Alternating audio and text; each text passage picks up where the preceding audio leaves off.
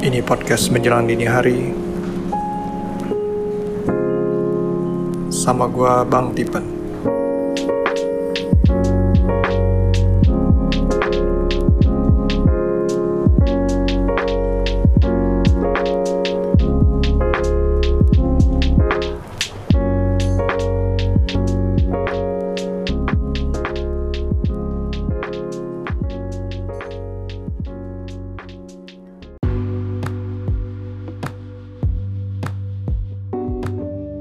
Halo lagi semuanya, kembali lagi sama gue Bang Tipen di podcast jelang dini hari. Dan gue pengen membuat kalian notice Karena gue baru beli mic baru. Ya, Padahal mic biasa sih, uh, mic clip on gitu yang HM apa gitu ya, boya-boya Murah meriah tapi luar biasa. Semoga membuat kualitas suaranya menjadi lebih baik uh, buat kalian denger jadi nggak terlalu kecempreng kenceng gimana gitu gue udah ngetes sih dan oke okay, uh, cukup balance gitu. Dan um, sambil menemani gue di tengah jalan ya sambil menyusuri sungai Cisadane. Seperti kalian kalau kalian kalau yang udah pendengar nama mungkin tahu kali ya gue anak Tangerang. Well lahir lahir sih nggak di sini cuman dari kecil dan sampai sekarang tinggal di kota Tangerang. Merupakan sebuah privilege buat aku melihat perkembangan kota Tangerang yang luar biasa. Mulai dari kotanya yang tadinya kumuh uh, pasar lama ya terutama yang tadinya kumuh banget sekarang jadi pusat kuliner. Uh, melihat perubahan yang dilakukan oleh gubernur gubernurnya yang eh wali kota deh wali kota. Kalau Tangerang kota Tangerang masih wali kota wali kotanya yang luar biasa hebat ini. Um, cuman mungkin advertisingnya perlu diperbaiki ya terlalu gimana gitu dangdut banget gitu. Ya perlu lebih minimalis supaya lebih menginspirasi layaknya di Bandung kayaknya ya. Anyway um, hari ini gue pengen bawa topik yang sedikit lebih uh, mungkin udah pernah didengar sebelumnya cuman menurut gue sebuah reminder yang bagus ya karena gue sendiri juga sering lupa. Nah ini sebenarnya empat orang yang perlu kita punya di tim kita waktu baru mulai. Uh, boleh empat orang ini nggak perlu langsung semua kita hire kita bisa juga cari orang freelancer ataupun mungkin kalau punya uang lebih ya cari agency. Um, cuman cari freelancer oke okay lah. Setidaknya orang yang bisa bantu kita dalam empat bidang ini. Empat bidang ini empat orang ini juga per di mention oleh sebenarnya sama Gary V ya awalnya. Kayaknya aku dengar awalnya dari Gary Vaynerchuk. Gary Vaynerchuk adalah seorang entrepreneur ya dia membangun Wine Library TV waktu di awal-awal YouTube mulai berjalan. Dia terkenal banget di YouTube dia terkenal banget di Twitter dan sekarang juga uh, seorang penulis buku yang dia nggak bener-bener nulis sih. Dia bicara lalu ditulis. Ada orang yang menulis. Tapi dia terbitin bukunya. Penerbit uh, dia terbitin udah berapa buku ya? Um, banyak kayaknya. Ada lima atau empat buku yang sudah diterbitkan dan bukunya bagus-bagus very direct. And dia juga punya bisnis digital agency yang berkembang pesat gitu dengan konsepnya dan uh, yaitu empathy dia bilang ada empat orang yang kita butuh dalam tim kita. Yaitu the creative person orang yang kreatif the math person orang yang suka menghitung pandai menghitung. The sales yang menjual yang mencari uh, yang mencari peluang dan segala macam. The, the sales itu ya. Dan marketing kalau enggak. Dan satu lagi the operator. Ini operator itu orang yang menjalankan bisnisnya. Jadi empat orang ini penting banget nih. Memang se sejauh aku berjalan melihat ya memang tergantung bisnis kamu tuh apa. Bisnis kamu jadi ada yang dimulai dengan salesnya dulu ada yang mulai operatornya dulu ada yang mulai kreatif atau mathnya dulu. Tergantung bisnis kamu apa. Kalau misalnya bisnis kamu mengenai um, akunting ya otomatis pasti nyarinya the math person dulu kan karena memang it's all it's all about math gitu dia harus pandai menghitung Tapi kalau bisnis kamu mengenai digital agency otomatis kreatif person dulu karena untuk membuat campaign-campaign, ide-ide menarik itu butuh the creative person first. Tapi kalau PR, ya public relation itu beda.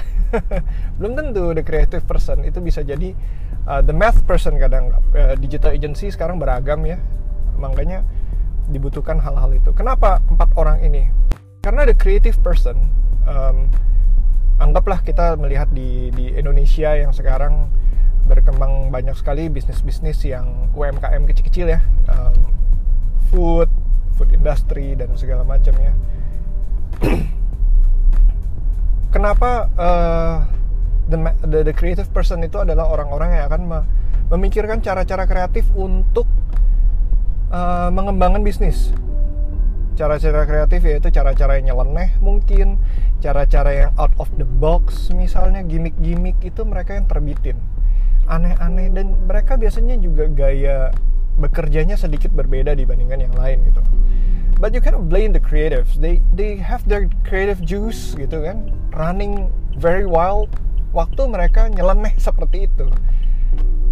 And sometimes they work di luar jam kerja ya. Maksudnya gini um, mungkin bisa jadi datangnya telat tapi jam 12 malam bisa lupus gitu.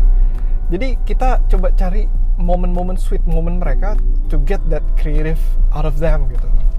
And we we can actually gitu. Kita bisa kok gitu. Coba asal jangan nanti kamu dibilang bos yang ya? Bos yang kayak Romusa gitu apa workaholic ya? Kayak kasus Panji kemarin gara-gara kontak karyawannya jam 12 atau jam 3 pagi gitu well ya some people just love to work out those hours gitu. Kita nggak bisa blame dong gitu kan. Ya, ya tinggal dibaca aja besok. Tapi kan karyawan overthink. Ya, you guys Gen Z kalian yang overthinking. Hmm. Sambil kopi dulu ngopi dulu ya. Kopinya lezat. And then selain creative people why math people gitu kan? Atau operator deh. Operator kita ngomong operator the kenapa aku bilangnya operator dulu awalnya? Uh, kita semula di operator. Operator is the people that run things gitu. Ada yang salah? Operator tahu. Ada yang uh, bisa lebih baik? Operator tahu. Jadi operator is like the heart of the business gitu. You know Apple? Perusahaan Apple yang besar itu Steve Jobs adalah orang yang visionary. Betul. Itu betul banget. Cuman Apple itu mempunyai satu kelemahan pada zaman dulunya ya uh, produk dia nggak gampang ditemuin di pasaran. Um, mereka memang niche tapi juga nggak gampang dan mahal gitu. Entah karena ide bisnisnya begitu, tapi kalau aku melihat adalah sering stok kosong juga sering apa ya um, masalah supply chain gitu mereka sering bermasalah di sana Apple itu emang bermasalah seringnya di sana semenjak masuk tim Cook Tim Cook itu direkrut oleh Apple dari sebuah perusahaan laptop namanya apa ya waktu itu ya? Aku lupa loh. Jadi Tim Cook itu direkrut sama Steve Jobs. Uh, kalau nggak salah dia dari Compaq deh perusahaan laptop namanya Compaq. Yaitu udah lama dan dibeli Toshiba if I'm not mistaken ya. Jadi uh, Tim Cook seorang operator sejati. Ya dia mengerti mengenai supply chain dia mengerti mengenai um, bagaimana sebuah sistem bekerja dia bisa dia bisa apa ya berbicara dengan orang di lapangan langsung ke bawah gitu. Makanya waktu tim Cook mengepalai Apple baru kali itu pendiri Apple tuh benar-benar jalan ke dalam pabrik. Dia dia pengen tahu benar-benar ke dalam pabriknya untuk mengecek gitu loh kondisinya seperti apa di di China ya kondisinya kan karena mereka kerjasama dengan Foxconn. So that's what he did gitu dan lihat Apple sekarang kalau dikepalai oleh seorang operator memang kita nggak bisa bilang inovasinya bakal wah hebat-hebatan. Tapi dia bisa mencari orang untuk mengcover kelemahannya Tim Cook gitu. Beda dengan Steve Jobs yang lebih orang marketing yang kreatif gitu ya. Uh, Tim Cook tuh lebih enggak dia tipe orang yang di belakang meja oke okay? dia tipe orang yang sangat apa uh, membiarkan timnya untuk berekspresi dan itu terbukti sukses membawa Apple menjadi sebuah perusahaan yang bernilai satu triliun dolar if not kalau nggak salah ya aku lupa so um, penting banget orang operation. Orang operation dengan orang kreatif biasanya bertabrakan. Why? Karena orang kreatif mau bikin senyeleneh mungkin, sedangkan orang operation kita nggak bisa begitu. the engineers, engineers are the operation people biasanya, karena mereka memikirkan secara sesuatu, semua sesuatu tuh dengan praktis. Ini tuh dibikinnya begini, karena memang dari dulu begini dan lebih gampang dibikinnya begini. Dengan misalnya um, ya ngapain kita ganti yang gitu bautnya harus nyari lagi gitu sedangkan baut standar seperti ini atau mungkin um, ya kita nggak ada panci yang seperti itu gitu untuk membuat yang baru gitu. Lu harus bikin molding baru lagi repot nggak sih gitu? Kenapa nggak? Coba kita yang udah ada aja terus banyak permasalahan permasalahan teknis yang operator tahu tapi kreatif nggak tahu. Karena kreatif hanya yang pingin idenya. Orang kreatif punya idenya makanya selalu bentrok. Biasanya kreatif and operator. Makanya aku jabarin begitu. But you need both of them you still need both of them in your business nggak mungkin kamu nggak punya satu, uh, mereka harus punya oke okay? berikutnya adalah the math person the math person itu adalah orang yang um, they, mereka pandai menghitung mereka pandai menghitung uh, mereka suka ngelihat tabel, chart, analisa, data segala macam gitu. Keuangan mereka suka mencatat, buat laporan dan lain-lain. Mereka bisa nyatet untung rugi uh, dan juga segala pengeluaran mereka bisa save. Bagaimana cara lebih bisa save gitu kan? Kita butuh mereka karena namanya bisnis kita harus bisa dihitung. Ya, selain itu juga zaman sekarang digital marketing it's all about data, oke? Okay? Ada big data lah, AI lah dan segala macam. Kalau misalnya kita nggak punya the math person gitu kan, kita sulit untuk menganalisa gitu. Data ini sangat raw siapa yang bisa menginterpretasikan data dari yang begini menjadi sebuah data yang uh, bisa diceritakan. Storytelling with data itu adalah sebuah skill yang dibutuhkan sangat besar sekarang ini karena dengan dunia yang uh, penuh dengan big data dan segala macam digital, semuanya bisa terukur. Tapi tidak banyak orang bisa bercerita dengan data-data itu. Misalnya kayak oh um, dilihat dari tabelnya gitu. 30% orang memilih untuk menggunakan apa 70% orang di Indonesia menggunakan Android. Why? Gitu. Orang bisa harus bisa bercerita 70% orang menggunakan Android karena HP Android lebih murah, lebih mudah untuk diakses. Maka itu orang-orang di luar kota bisa membelinya dengan lebih mudah karena UMR di kota eh di luar kota masih lebih jauh lebih kecil dibandingkan di kota-kota besar dan segala macamnya. Ya akses internet juga akhirnya menjadi lebih murah buat siapa. Jadi itulah kemampuan kepiawaian kita untuk bercerita menggunakan data. Itu adalah sebuah kemampuan yang luar biasa dan itu the math person needs to do that, oke? Okay? Dia math person harus bisa menginterpretasikan datanya ke buat kita. Ya mereka nggak perlu cerita bagus-bagus, tapi kita nantinya sebagai leader yang akan bercerita. Oke, okay, and the last one is the sales ya atau marketing person. Sama seperti sebelumnya, the marketing and the math person selalu bentrok. Makanya kalau di perusahaan itu marketing dan finance selalu bentrok. Why? The math person mau simpan uang sebanyak-banyaknya, ya. Uh, small output, big input. Kalau kalau marketing dia ada masalah eh, bukan masalah ada visi di depannya di, di, di yang lebih besar gitu. Misalnya brand recognition lah ataupun uh, service entertainment segala macam tapi tidak bisa terukur gitu. We all know about uh, Facebook ads ya banyak yang komplain aduh boncos nih Facebook ads bla bla bla dan juga um, itu karena tapi pengalaman-pengalaman itu yang akan membuat kita belajar gitu. Sedangkan the math person doesn't like that gitu ini uang keluar udah sejuta kamu minta sejuta lagi. Kamu minta lagi untuk belajar. Katanya algoritma algoritma Facebook bisa mempelajari. Sampai kapan? Gitu. Berarti butuh budgetnya berapa? Setelah itu ada jaminan nggak? Itu the math person. Sedangkan marketing nggak mikir ke sana. Marketing mikirnya ya nggak apa-apa. Toh juga nanti kita algoritma belajar. Toh market kita akan kenal dengan brand kita gitu. Nggak apa-apa. It's okay. Nah tujuan dari marketing adalah customer acquisition gitu. Sales dan marketing sama lah cuman beda. Beda job desknya adalah sales biasanya untuk uh, direct ke customernya. Mereka untuk uh, benar-benar direct ke customer gitu kan ujung tombaknya. Sedangkan kalau marketing adalah orang-orang yang memikirkan strategi di belakangnya. Marketing akan tugas marketing adalah membantu sales. Tugasnya sales adalah membantu customer jadi jangan dibilang oh ya orang market ah lah sales itu mah ah, rendah. Jangan bukan begitu. Marketing tugasnya adalah membantu sales. Kalau sales salah dalam menyampaikan marketing perlu koreksi diri gitu.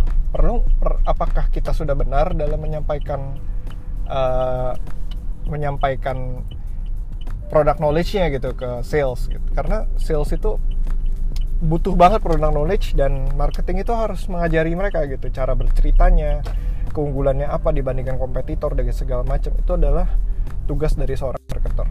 Ya terus juga dia punya apa namanya uh, industrinya seperti apa knowledge-nya itu adalah tugas marketer. Sales itu ya hanya menjual sesuai dengan brief. Sales adalah ujung tombak infanterinya itu istilahnya ya. Nah um, tugas biasanya marketing adalah untuk menjual untuk customer acquisition dan kurasa nggak perlu menjelaskan lebih jauh ya dan itu makanya empat orang ini dibutuhkan banget dalam sebuah perusahaan untuk running. It's, it's I think it's the minimum gitu. Um, tapi balik lagi tergantung dari bisnis kamu apa. Kayak misalnya uh, aku punya bisnis yang um, manufaktur ya industri. Industri butuhnya adalah orang-orang the math person sama operation dulu. Itu udah paling penting ya the math and the operation people. Itu uh, aku butuh dulu dua itu. Karena yang paling penting operation bisa jalan dulu ya. Produk bisa dikeluarkan hasilnya bisa dijual diterima di pasar baru math person hitung hitungan nih masuk nggak nih gitu. Nah setelah itu nanti ya sales kebanyakan sales kreatif itu terakhir. Karena yang penting udah jualan produk diterima ya walaupun jadi akhirnya komoditas baru nanti dikembangin untuk menjadi sebuah brand dengan uh, bantuan orang kreatif. Oke okay, positioningnya. Sedangkan kalau kamu adalah aku punya juga web studio gitu kan. Web studio itu yang aku butuh adalah the first one is um, the creative people gitu. The creative dulu. Siapa ini yang bisa bikin ya? Setelah itu baru operation. Creative and then operation gitu. Kita bisa bikin dulu bagaimana ya um, masuk nggak? Udah udah oke okay nggak nih? Uh, cara bikin kita berbeda nggak dengan yang lain gitu? Cara kita bikin web apa yang kita offer ke yang lain itu berbeda gitu kan? Kemudian baru nyari the math people. The math itu untuk apa maksudnya? Supaya tergantung nih ada yang nyari math dulu habis itu baru nyari sales tapi ada juga yang nyari sales dulu baru nyari math terakhir. Kalau aku nyarinya math dulu the math people orang yang bisa ngitung. Karena dia buat analisa data dan segala macam um, juga kemudian dia buat hitung-hitungan ya sebenarnya beda sih tukang data analis sama finance itu cuman ya still the same math people. It depends on what business you are doing actually. Okay? But you need you still need the math people. Kalau aku nyarinya setelah creative and operation baru nyari math. Terakhir baru sales setelah kita udah mulai stable dengan kondisi yang ada udah ketahuan kurang lebih kan untung nih.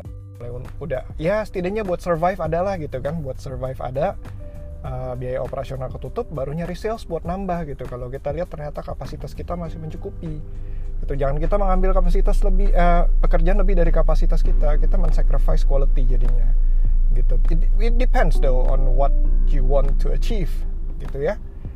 And um, I think episode kali ini aku ngomong rada cepet ya karena mungkin um, aku agak kafein high. um, tell me, do you like this format?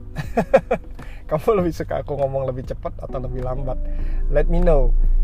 Um, ada orang-orang yang lebih suka aku ngomong lebih cepat kalau aku mikirnya biasanya aku mendengar podcast dalam kecepatan 1,5 kali lebih cepat makanya aku uh, ngomongnya tuh lebih slow lebih santai tapi balik lagi ya um, depends on what what I did before gitu. Kayak sekarang aku baru minum kopi and masih caffeine rush banget.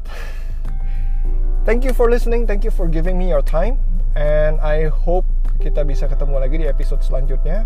Ini kalian udah memberikan sebuah attention yang luar biasa buat aku telah mendengarkan aku selama 19 menit um, uh, and buat aku itu adalah hal yang luar biasa. Terima kasih banyak dan cara aku merepaynya kalian adalah dengan memberikan kalian ruang untuk DM aku ya. Instagram aku udah aku buka. Just message me at Bang Tipen. Juga di Twitter juga bebas ya at Bang Tipen. Aku aktif di kedua sosial media itu. And know what you think gitu. Terus share ke aku kalau ada yang mau tanya silakan. Aku akan membantu sebisaku my inbox is always open for you guys and girls. And ya aku nggak nggak nggak dijadiin konten kok juga nggak di charge kok gitu. Tenang aja ya. Kalau misalnya aku mau jadikan konten aku akan minta permission dulu pastinya. Um, sebelum bikin. Respect people's privacy man. Okay? I know it's free but it doesn't mean you I can use your information I can use your question to spread it out like that gitu loh. Kecuali memang kamu share di sosmed. Oke okay, and see you guys in the next episode. Bye bye